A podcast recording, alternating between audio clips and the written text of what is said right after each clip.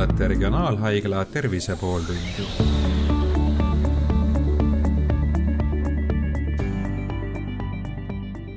tere kuulama Regionaalhaigla Tervise pooltundi, minu nimi on Hando Sinisalu ja tänases saates teeme juttu Covidiga seotud piirangutest, maskidest ja vaktsiinidest. Ja selles küsimuses on päris palju eriarvamusi ka meil on stuudios äh, selles küsimuses erinevatel seisukohtadel olevad inimesed. mul on hea meel tervitada siin äh, Põhja-Eesti Regionaalhaigla ülemarsti professor Peep Talvingut ja ajakirjanik Villu Tsirnaskit.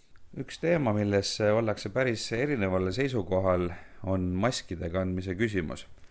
ja noh, üks peamisi argumente maskide kandmise vastu on see, et äh, neid ei kasutata õigesti et arstid võib-olla kujutavad ette, et äh, tavainimesed ka kannavad neid sama korrektselt nagu, nagu meditsiinitöötajad, aga noh, praktikas, kui ringi vaadata, siis me näeme, et inimesed kasutavad maske valesti, küll on nina väljas, küll ripub see niisama lõua küljes ja samuti maski kandmise kohustust äh, ei järgita, et ikkagi ka ühistranspordis või kauplustes me näeme väga palju inimesi ilma maskideta, kuigi nõue on, aga otseselt nagu kohustust ei ole, et doktor Talvin, kas sellisest äh, nii-öelda poolikust või osalisest maski kandmisest üldse on mingisugust abi?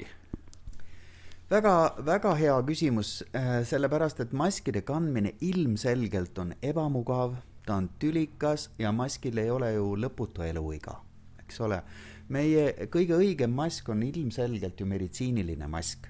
kõik need teised äh, ninakatted, suukatted, sallid, nad tegelikult äh, võiks nagu toimida pidurdamaks, eks ole ju, pritsmeid meie suust, mis tulevad välja, aga ta kindlasti ei ole kontrollitud, ei ole ka efektiivne.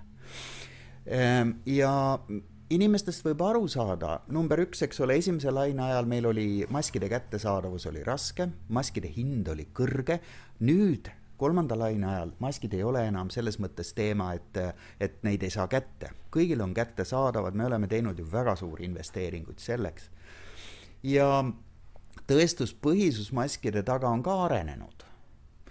ja kui me kõik teadsime klassikalisest meditsiinist, et ta, ta pidurdab pritsmeid, eks ole, ja ta on nagu meie nimetame nagu koldekontroll. kui ma oleks nakkuskolle, siis praegu rääkides sinuga, ilmselge on see, et siit tuleb välja, kõrvalt tuleb välja aerosooli, mis tekivad meie väikestes bronhides, kus, kus äh, õhk liigub. tekivad niisugused mikromeetrid suurused osakesed, mis lähevad lendu siin.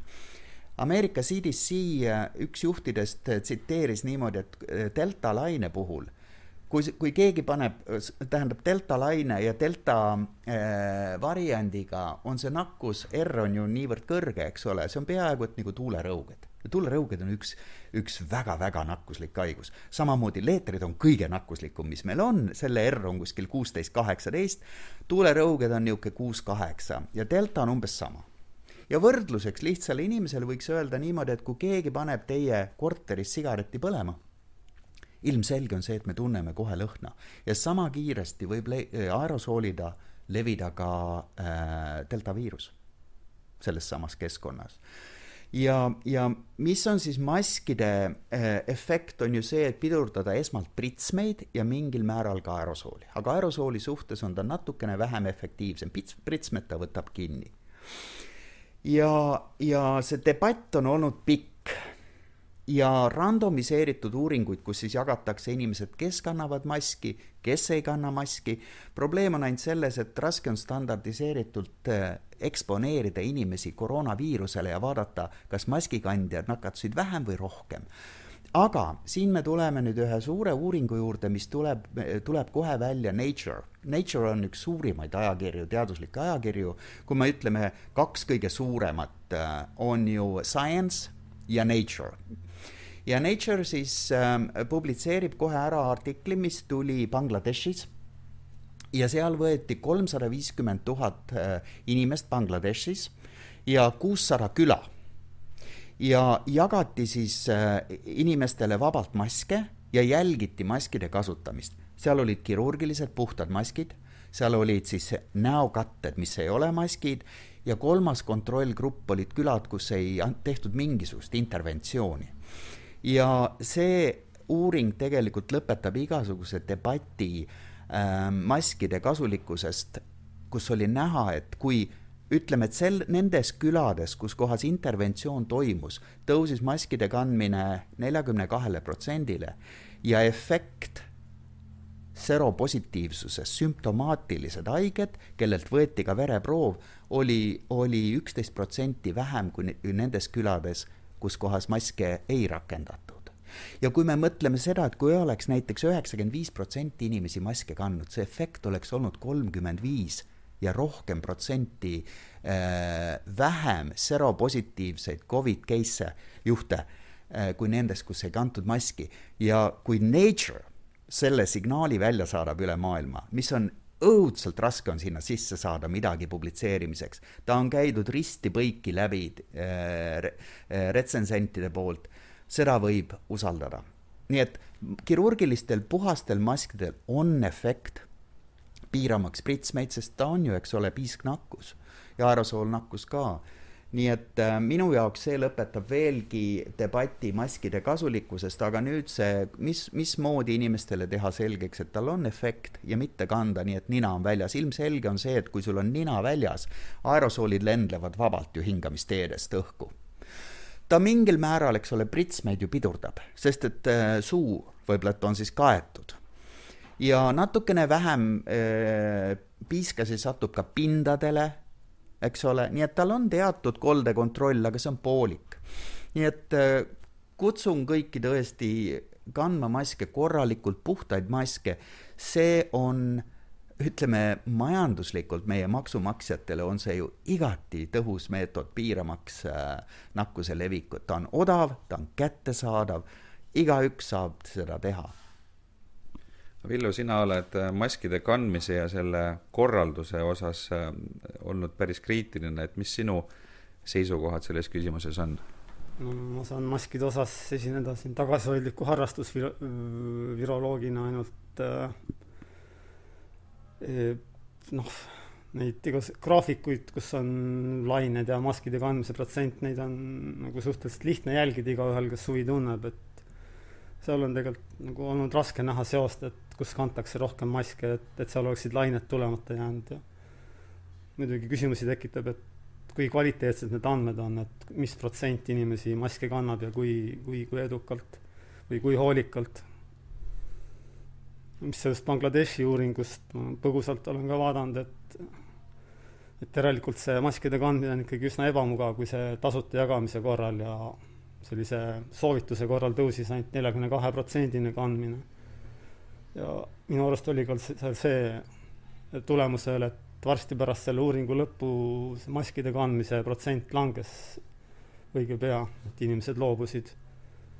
et järelikult see, vot see ebamugavuse tase kaalub paljude jaoks riski, riski ülesse mul on väga hea meel, et me saame rääkida nagu ütleme faktipõhiselt ja, ja uuringutest, et te olete ka tutvunud uuringuga ja tõesti, nad jälgisid, nad jälgisid teatud ajas, sa ei saa ju, eks ole ju lõpuni jälgida kõiki inimesi. ja, ja igal pool on neid väikseid, ütleme, kitsaskohti. et te ütlesite, et inimesed väsivad ära, nende, nende, ütleme, jätkusuutlikkus maskidel on madal, arusaadav on, aga kui me räägime, kas mask on efektiivne sellel hetkel, kui teda kantakse ja õieti kasutatakse, siis vastus on jaa eks ole ju, selle uuringu põhjalt ja teiste omalt ka, aga siis tal tekib see inimlik faktor, et me väsime ära. ja, ja ütleme, meie kui täiskasvanud haritud inimesed saame veel aru sellest, et paneme korralikult ette ja siis on ju meil lapsed ja meil on kõiksuguseid inimesi eh, ühiskonnas, kellel on palju raskem seda kanda. ja, ja kui me praegu vaatame, kus kohas meie kõige suuremad eh, nakkused on, on ju koolides ilmselgelt on ju koolides toimub äh, korralik nakatumine, me näeme mitut küüru, me näeme kolme küüru praegu nakatumiste hulgas, laste hulgas äh, kõige enam, siis on nende vanemate küür ja siis tulevad kaheksakümmend viis pluss ka hakkavad tõusma, see hulk ei ole väga suur, aga ta on näha, et ta tõuseb. ehk siis me võime aru saada, kuidas see vektor liigub. Ja, ja nüüd rakendada koolis maske on veel suurem väljakutse ju. Aga siis me peame endalt ka küsima seda, et ähm, kas me siis äh, jätame kasutamata ühe selle võimaluse kaitsmaks, äh, kaitsmaks ühiskonda sellest katastroofist, milles me oleme, mille poole me liigume edasi. ma arvan, et meil on igaüks, me saame teha, kõik algab meist endist. muutus hakkab minust endast. kui mina tahan, et, et ma teen selle millimeetriga maailma paremaks, siis see on võimalik kui mina leian, et see on tülikas ja ma ei ole valmis seda tegema, siis me ei saa sundida inimesi. See minu jaoks ongi tegelikult maskide puhul ka see äh, võib-olla nagu suurimaid kitsaskohti olnud see kommunikatsiooni teema siin, et äh, need eufemismid, mida maskide ümber on kasutatud, rangelt soovituslik ja ja, ja kõik sellised äh, seni kuulmata terminid, millest ei saa aru, kas siis on kohustuslik või ei ole ja siis kõik juriidilised nüansid siia juurde, et kas siis saab sundida kedagi või mitte, igal juhul noh, tulemuseks on see, et et see maskide selline autoriteet või usaldusväärsus on ikkagi suhteliselt madalaks muutunud. ja ilmselt praeguses staadiumis, kui on juba mitu aastat segast kommunikatsiooni olnud, siis on üsna raske seda, seda muuta, et juhul, kui mingit täiesti radikaalselt uut teadmist välja ei tule või, või ei muutu, siis ka see survemehhanism, et kuidas seda kandmist kontrollitakse, sest täna on ju niimoodi, et, et sisuliselt äh, keegi äh, ei, ei karista, keegi ei kontrolli, võib-olla mõni, mõni teeb märkuse sulle, aga, aga selle, sellega ka asi piirdub, et et Villu, mis sina, sa oled ka ajakirjanik, et et mis laadi kommunikatsioon sinu arvates oleks vajalik, et et inimeste sellist äh, vastutustundlikku käitumist äh, innustada? no mulle tundub, et võib-olla siin rakendada seda raamatust Kevaded tuntud soovitudest, et, et kui nagu tervet ei jõua tee poole, aga siis korralikult, et, et kanda neil nagu kõrgema nakatumise perioodidel ja tõesti rahvarohketes kohtades mitte niimoodi lõua peal kogu aeg. et pigem siis ainult seal, kus on su-, suurem, suurem risk. mind siin natuke häirib ka see keskkonnakaitseline aspekt, et vahepeal tänavatel näeb siin maske vedelemas ja ja kui neid nagu päris korrektselt kanda nii, vahetada nii tihti, kui, vaja, siis tekib, tekib maailmas tohutu hulk äh, prügi, millega ei osata väga midagi peale hakata et, et see võiks ikkagi olla selline lühiajaline meede sellistel laine tipphetkedel. et siis inimesed ei väsi nii kiiresti, niivõrd sellest ära kannavad korralikumalt mm.. et üks, üks dilemma on see, et äh, meil on ju pikaajaline äh, kriis, eks ole et kui, kui kuskil lõhkeb pomm, siis see on lühiajaline kriis, see kestab või maavärin, see kestab, eks ole, kuu aega ja, ja aga meil ju käib edasi ja edasi ja edasi ja edasi need lained. me, keegi ei tea, kui kaua see viirus siin äh, edasi pesitseb ja, ja, ja lokkab, aga mis tähendab siis seda, et meie väljakutse on tegelikult ju globaalne vaktsineerimine. kui me suudaksime kõik ennast piisava hõlmatusega ära vaktsineerida, me saaksime selle viirusega elada. aga me sinna ei ole jõudnud ja kurb on see, et, et kuidagi on see kommunikatsioon meil läinud viltu algusest peale, et, et kas teadlased ja, ja riik ei ole suutnud kõikide gruppidega piisavalt äh, silmast silma suhelda ja on kadunud ära see usaldus äh,. alguses, kui oli hirm ja paanika, see oli hetk, eks ole, kus oli, kõik nagu panid õla alla aga siis ei olnud vaktsiine ja meie tarned, eks ole, ja vaktsiinide, ütleme, vaktsiinide ähm, doseerimine oli ju selgelt reglementeeritud ju era, äh, Euroopa Ravimiameti poolt. kui me täna teaksime, mis, mida teeb üks doos, me ei oleks ju hoidnud teist doosi kinni. aga sellel hetkel me ei tea. nii nagu Antoni Fauci ütleb niimoodi, et kui temalt küsiti, et mis mõttes, doktor Fauci, te ütlesite, et äh, peaks andma kolmandat ehk siis tõhustusdoosi kõigile peale kaheteistkümnenda eluaasta, tervele populatsioonile, kes on sihtrühmaks. aga FDA, eks ole, otsustas teha seda kuuskümmend pluss ja seal oli suur vahe ju. noored versus kuuskümmend pluss. ja Fauci ütles selle küsimuse peale, teate, et ähm, iga päev muutub teadus sellel alal iga päev tuleb uuringuid juurde ja see, mis ma ütlesin eile, võib tõesti tunduda, et mis mõttes ma ütlesin niimoodi, aga see kõik muutub. Kui raske on pidada kõike, mis tuleb iga minut, tuleb uut teadmist, et ja kuidas see suhestub eilsega, siis tekib loomulikult inimestel arusaam, et aga mis mõttes see inimene niimoodi ütleb mulle, kui täna tuleb hoopis teine signaal. aga see kõik ongi dünaamikas ja ka meil on raske kommunikeerida inimestega välja, öelda, et see, mis ma eile ütlesin, ei ole enam täna võib-olla, et see kõige õigem.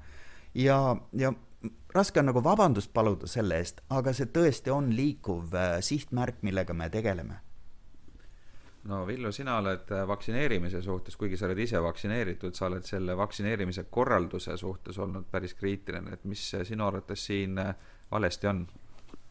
Mm, jah, see, et ma olen siin sattunud nii-öelda vaktsiiniskeptiku rolli näitab ka, et midagi on viltu, sest ma olen ise Covidi vastu vaktsineeritud ja samuti ma olen varem kõik vaktsiinid teinud, mida arst on enne reisile minekut soovitanud. et ülemöödunud aastal mõtlesin isegi gripivaktsiini teha esimest korda, aga siis tekkis seal mingi defitsiit ja, ja ei teinud, aga nüüd see kommunikatsioon, et, et inimaju on keeruline, et sel aastal mul kuidagi kuigi ratsionaalselt võttes on olukord sama või isegi võiks, oleks gripivaktsiini rohkem vaja teha, et siis kuidagi on tunne selline, et, et, et nii suur innustus seda tegema minna ei ole, kui oli kahe tuhande üheksateistkümnendal aastal. et see selline sund vähemalt osasid inimesi siis pigem peletab eemale. et sa arvad, et see vaktsineerimise puhul äh, see suund, et, et seda tehakse nagu niimoodi poolsunniviisiliselt, et see on vale, et kui kui oleks pigem rõhutud sellele vabatahtlikkusele, võib-olla sellele solidaarsusele, et, et, et teeme kõik koos, et kaitsta nõrgemaid ja ja nii-öelda käskimise asemel palutud, siis oleks see tõhusam olnud. no eks siin on erinevad, inimesed on erinevad, erinevad grupid, aga vaatasin siin Riigikantselei tellitavat küsitlust mida nüüd septembris küll kahjuks ei tehtud, aga kui siin augustit ja juunit võrrelda, et pärast selle vak-, vaktsiinitõendi sisseviimist nagu mingi väike osa oli neid, kes ütlesid, et pigem ei, ei vaktsineeri, oli, oli nii-öelda radikaliseerunud ja liikunud nende hulka, kes ütlesid, et kindlasti ei, kindlasti ei vaktsineeri. noh, et et osad inimesed lihtsalt vajavad rohkem, rohkem mõtlemisaega või harjumist selle, selle mõttega, et siiski oleks vaja. ja osasid paraku ei olegi üldse võimalik veenda, et äh, need vajaksid jah ilmselt teistsugust lähenemist. aga mina ei pea teid nagu ütleme, ma olen lugenud teie lugusid ja, ja ma mõne koha pealt isegi saan, saan aru kriitikast, aga kas teil on mingisugune hea, sest kõik ju ütlevad, eks ole, et on läinud valesti, see, teine, kolmas. Mis see lahend oleks, kuidas me jõuaksime siis eh, pandeemiast välja? nii palju, nii palju on kriitikuid, aga neid häid konstruktiivseid edasiviivaid lahendeid ma nagu kriitikute poolt kuulen suhteliselt vähe. ma vaatasin esimene stuudio, kus oli äh,, oli äh, Ossinovski ja Tanel Kiik, eks ole, ja siis oli, oli saatejuht ja äh, ja käib vaidlus ja, ja eelmine sotsiaalminister ütleb seda, et te ei ole jõudnud eh, esimese doosiga sihtrühmadeni, riskigruppe on vaktsineerimata, ebaõnnestunud. ja ma mõtlen, mismoodi me ju võiksime jõuda sinna, ma vaatan Harjumaal, kui palju on vaktsineerimise kohti, kolmkümmend üks sa lähed üle, sa lähed läbi linna ja peaaegu et vaktsineerimise buss sõidab sinust üle sest neid on nii palju. registreerimisega, ilma registreerimiseta, kiirabid sõidavad töökohtadesse ja nii edasi, nii edasi. nii et võimalus on ju kõigile loodud. et mis on see ettepanek, Villu, mis oleks teie ettepanek, kuidas me selle pandeemia siis lõpetame?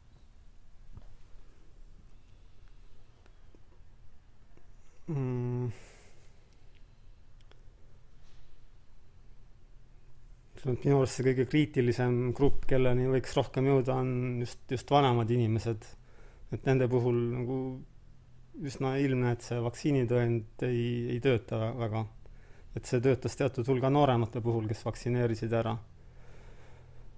noh, see võib kõlada radikaalse ettepanekuna, aga, aga neid nooremaid võib-olla motiveeriks nüüd see, et äh, kui öelda, et et lõpetame vaktsiinitõendi ära ja siis mingi teatud hulk leebub ja läheb, läheb vaktsineerima.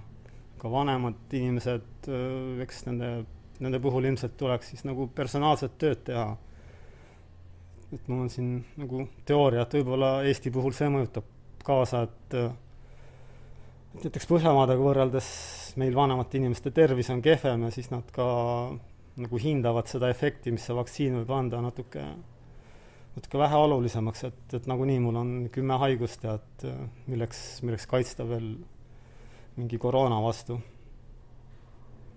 et see, et seda suhtumist kuidagi, kuidagi muuta. ja ma ei tea, kas seda nii-öelda lühiajaliselt, kui lihtne seda on muuta, et näiteks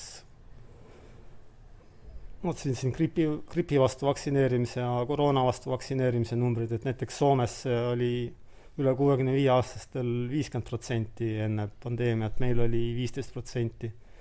et neil oli see nagu eeltöö nii-öelda vundament, mille pealt koroonas vastu hakati vaktsineerima või valmisolek, et see oli märksa parem, et et kas see, selle pealt ühe aastaga üldse on võimalik jõuda nagu sama, samale tasemele et nagunii meil koroonaga vastu vaktsineerimise tase on ütleme, et näiteks Põhjamaades kasvas see umbes kaks korda võrreldes gripiga meil viis korda, et et, et, et sealt edasi minna on üsna raske, aga eks, eks peab püüdma. just seal me olemegi, eks ole, me võime seletada ära fenomeni, et me ei saa ja me ei jõua nendeni, peaksime püüdma aga meil ei ole kellelgi nagu seda konkreetset äh, sammu, et mis me teeme siis. mis me siis teeme, et vanaema Maali äh, seal Võru talus, et ta võtaks selle vaktsineeri va,, vaktsiini vastu ja ma ole, me oleme nii palju kuulnud neid lugusid, et, äh, et seesama vanaemake, kes on kaheksakümmend viis aastat vana, kes on nüüd ütleme, kliinikumi eh, osakonnas hapnikravil ja, ja väga haige, ütleb, et aga ma ju ei käi kuskil kuidas see viirus minuni tuleb. ja, ja see viirus tuleb, see viirus kahjuks see, nii nagu äh, delta R on, ta jõuab igaüheni, ta tuleb läbi ukse, lukuaugu, ta tuleb läbi teiste inimeste, ta tuleb igatepidi, ta jõuab nendeni. Ja see toob kaasa väga palju surmasid meile, väga palju surmasid. Skandinaavia maad, kes on meie jaoks praegu, ütlen Põhjamaad, on meie jaoks praegu kuldne standard, aga nad kandsid väga rasket äh, tolli esimese laine ajal äärmiselt rasket tolli.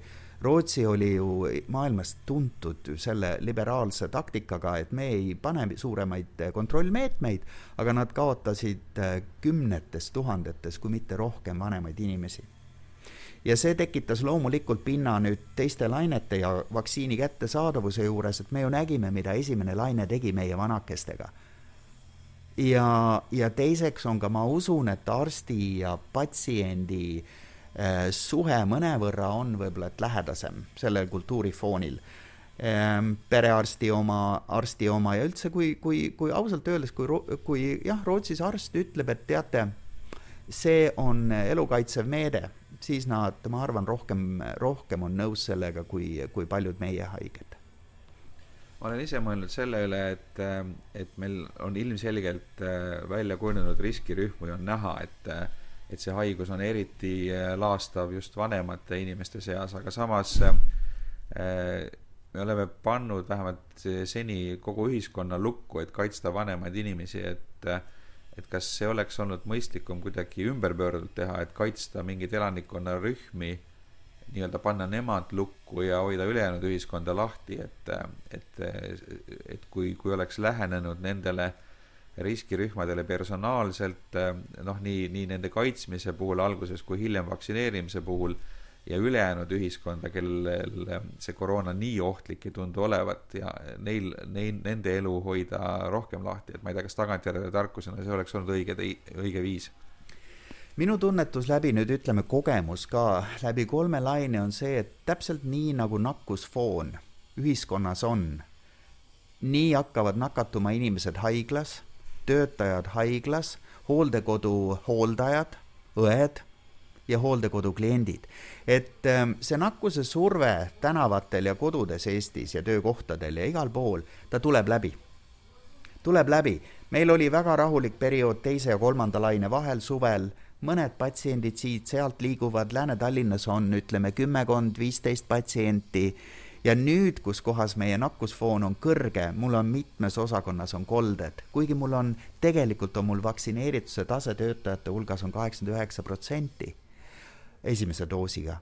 aga ta tuleb läbi, see on see probleem, kuidas ma kaitsen seda hooldekodu inimest, kui ütleme, võtame mingisuguse maa, võtame näiteks Koeru hooldekodu, kus kohas võib-olla, et on kuuskümmend töötajat. ja need töötajad on ju võti selle hooldekodu toimimiseks. Nad korrastavad, nad sätivad, nad jagavad äh, ravimeid ja nii edasi, nii edasi ja kui nemad on, ütleme, vaktsineeritud seitsekümmend protsenti, need kolmkümmend protsenti võivad ju siiski presümptomaatiliselt viiruse sinna kohale viia. see nagu ei toimi, et kaitseme ainult neid, aga kuidas me kaitseme, kui meil on kõik kohad vektoreid täis, kes võivad viia viiruse sinna. ja siis, kui me ütleme, et külastuskeeld, me ei luba vane-, omakseid sinna, tekib arutelu, et aga need inimesed võib-olla, elavadki ainult kaks kuud, kolm kuud veel, kuidas me ei lase omakseid sinna? no siis lased ühe omakse ja siis on klikk jälle viirus. ja seesama hooldaja, eks ole, kes on vaktsineerimata, tema ju hooldab äh, kolmekümmet, võib-olla kahtekümmet klienti ja see on ju perfektne retsept, et viirus jõuaks kõigini, kui ta käib ja vahetab mähkmeid, toob toitu, äh, ajab habet ja, ja korrastab vanaseid inimesi. Nii nagu nakkusfoon on tänavatel, ta tuleb läbi. Äh, räägime lõpetuseks veel mõnedest erinevatest lähenemistest meetmetele, et äh, maailmas ka äh, doktor Talving enne tõi Rootsi välja, et, äh, et suhtus asjasse liberaalselt, aga meil on ka mõned riigid siin nagu näiteks Austraalia, kus, kus on äärmiselt rangelt reageeritud ja isegi juba mõne üksiku juhtumi ilmnemisel terve, terve osariik või terve linn lukku pandud ja Uus-Meremaa ja mõned riigid veel ja noh, nende geograafiline asukoht muidugi võimaldab ka natukene paremat isolatsiooni, aga, aga nemad on nagu sellise lähenemisega äh, suutnud seda asja kontrolli all hoida ja, ja nende kodanikud äh, on põhimõtteliselt nagu aktsepteerinud peaaegu kaks aastat isolatsiooni. Et, et mis sa, Villu, sellest arvad, et kas, kas selline lähenemine, et, et nüüd ütleme Rootsi versus Austraalia, et, et mis, mis meil siit õppida võiks olla? no Uus-Meremaa minu teada hiljuti lõi käed üles selles suhtes, et, et, et null Covidi strateegiat neil raske, rakendada ei õnnestu.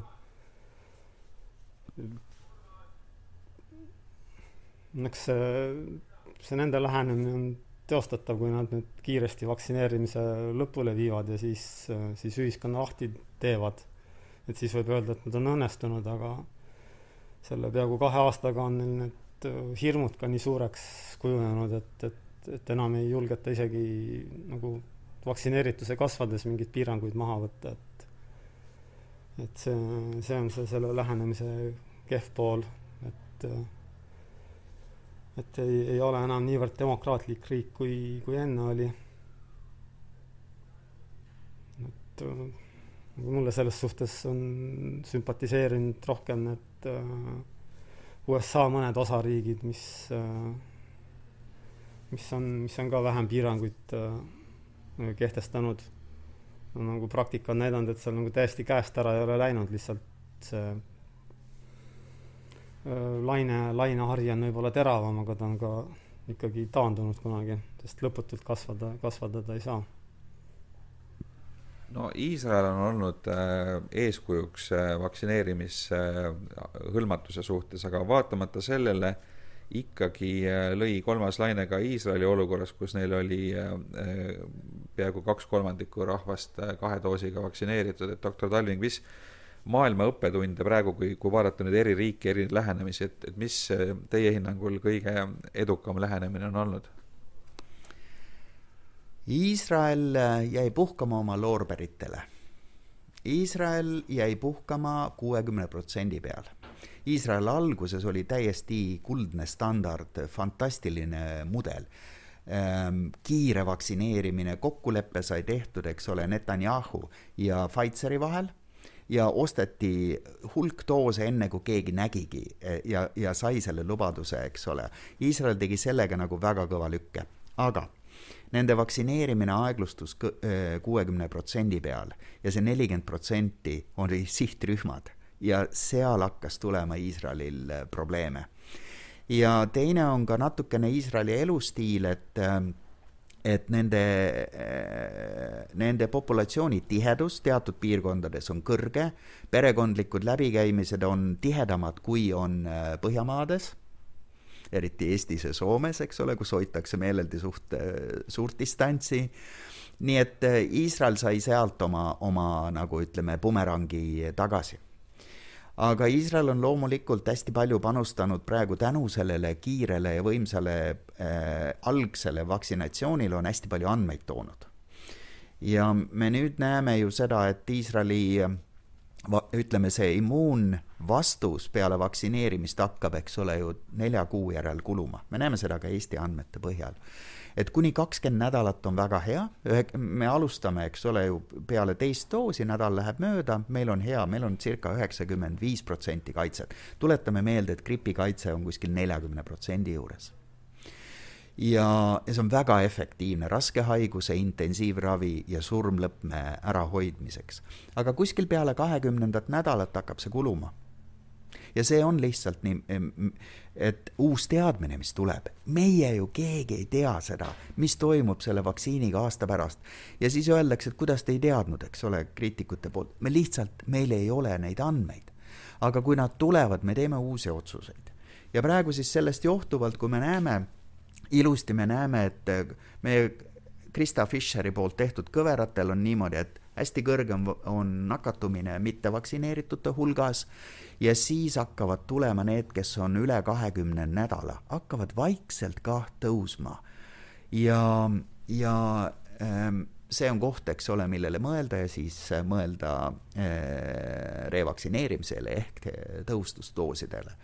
ja me oleme nüüd tõhustusdooside otsused teinud, täienddoosid samamoodi, täienddoose me juba teeme ja ähm, see muidugi ei vaktsineeri meid kuidagi nagu äh, äh, pandeemiast välja, aga ta kindlasti langetab koormust haiglates, sest et äh, need vanemad inimesed on ju need, kes on haiglates ja nemad vajavad täienddoose, tõhustusdoose. Räägime lõpetuseks paar sõna ka äh, vaktsiini kõrvaltoimetest ja sellest äh, debatist, mis selle ümber käib, et et on päris palju, eriti sotsiaalmeedias torkab silma inimesi, kes äh, kindlalt väidavad, et äh, on, on väga palju inimesi, kes on äh, vaktsiini kõrvaltoimete tõttu kas surnud lausa või, või jäänud väga raskelt haigeks. Äh, ja, ja väidavad, et nende tuttav või tuttava tuttav just, just see on, et tuuakse näiteid palju ja, ja, ja see on nagu peamine argument, et see risk vaktsineerida on, on liiga suur selleks, et seda teha, et et Villu, mis, mis sina arvad, et, et kuidas nagu neid seisukohti oleks võimalik kummutada või kas selliseid inimesi üldse oleks äh, oleks võimalik ümber veenda? no ma sellesse debatt, debatti ennast eksperdina väga ei tahaks segada, et eks ma olen ka kuulnud inimestest, kelle, kes on järgmised paar päeva näiteks palavikuga maas olnud. et endal mul ei olnud midagi, sain järgmisel päeval spordivõistlusele minna edukalt, peale esimest süsti oli käsivarс natuke valus, peale teist polnud sedagi, aga noh, eks inimesi on on erinevaid, et, et mõnedel võisid need kõrvalmõjud ka tugevamad olla. Et mulle tundub, et võib-olla see aasta alguses see vaktsiin oli võib-olla mõnevõrra ta üle, üle müüdud, et äh, temast, talle pandi nagu suuremaid lootusi, kui kui nüüd tagantjärgi on osutunud, et, et ta suudab täita ja siis selle võrra, selle võrra ka nagu neil skeptikutel on lihtsam öelda, et näete, ta ei, ta ei, ta ei tööta aga me peame ju eh, kordama veel üle numbreid, et eh, kui palju on neid, kes on vaktsineeritud, kui palju neid on intensiivravi osakonnas? peaaegu et ei ole, need on ühe käe sõrmedel lugeda üle. ma rääkisin äh, äh, lõunameditsiinistaabi juhiga äh, doktor Karjaginiga, küsisin, palju on kliinikumis intensiivravis olnud kolmanda laine ajal vaktsineeritud inimesi, kolm. kuidas neil läks? Nad kõik läksid koju. regionaalhaiglas samamoodi kui palju on meil äh, kolmanda laine ajal intensiivravil patsiente, kes on vaktsineeritud? üks. ehk siis neid peaaegu et ei olegi. ja, ja ma ei oska rohkem selgemaid andmeid välja tuua kuulajale kui see, et me näeme, et ise, jah, isegi kui äh, kõrge viir-, nakkuskoormusega äh, nakataja nakatab selle inimese siis nende sümptomid on suht tagasihoidlikud. nohu, köha, palavik ja, ja mõni vajab ka hapnikku, aga surijate hulgas ei ole ju peaaegu, et kuskil ei ole neid, kes on vaktsineeritud. ja vanemad inimesed, kaheksakümmend viis pluss, kellel on hulk kaasnevaid haigusi, ilmselge, et see väike viiruse doos neile peale võibki selle elu lõpetada. tõepoolest, see on niimoodi. aga aga nooremate hulgas me ei näe üldse surmlõpmeid eh, eh, vaktsineeritute hulgas. ja need on, minu teada on täiesti selged andmed ja ma ei saa aru skeptikute poolest, kuskohast tuuakse välja, aga kõik need argumendid on anonüümsed. Turu peal ma kuulsin, kuidas keegi rääkis, et tema sõber suri ära, sellel tasemel see on. Mina tean isiklikult, ma tean ühte juhtu, ma olen kolm aastat nüüd või ütleme, kolm lainet ma olen juhtinud Põhja meditsiinistaapi, olen teadusnõukojas, ma, ma olen ülemarst ühes Eesti suurimas haiglas ja mul on info olemas. Ja ma vaatan ja ma, ma äh, imestan, kuidas ei saada sellest aru, et vaktsiin kaitseb raske haiguse eest. ma ei saa aru sellest. Aitäh, et kuulasite, stuudios olid ajakirjanik Villu Tsirnask ja Põhja-Eesti Regionaalhaigla ülemarst professor Peep Talving. Mina olen saatejuht Ando Sinisalu ja aitäh kõigile kuulajatele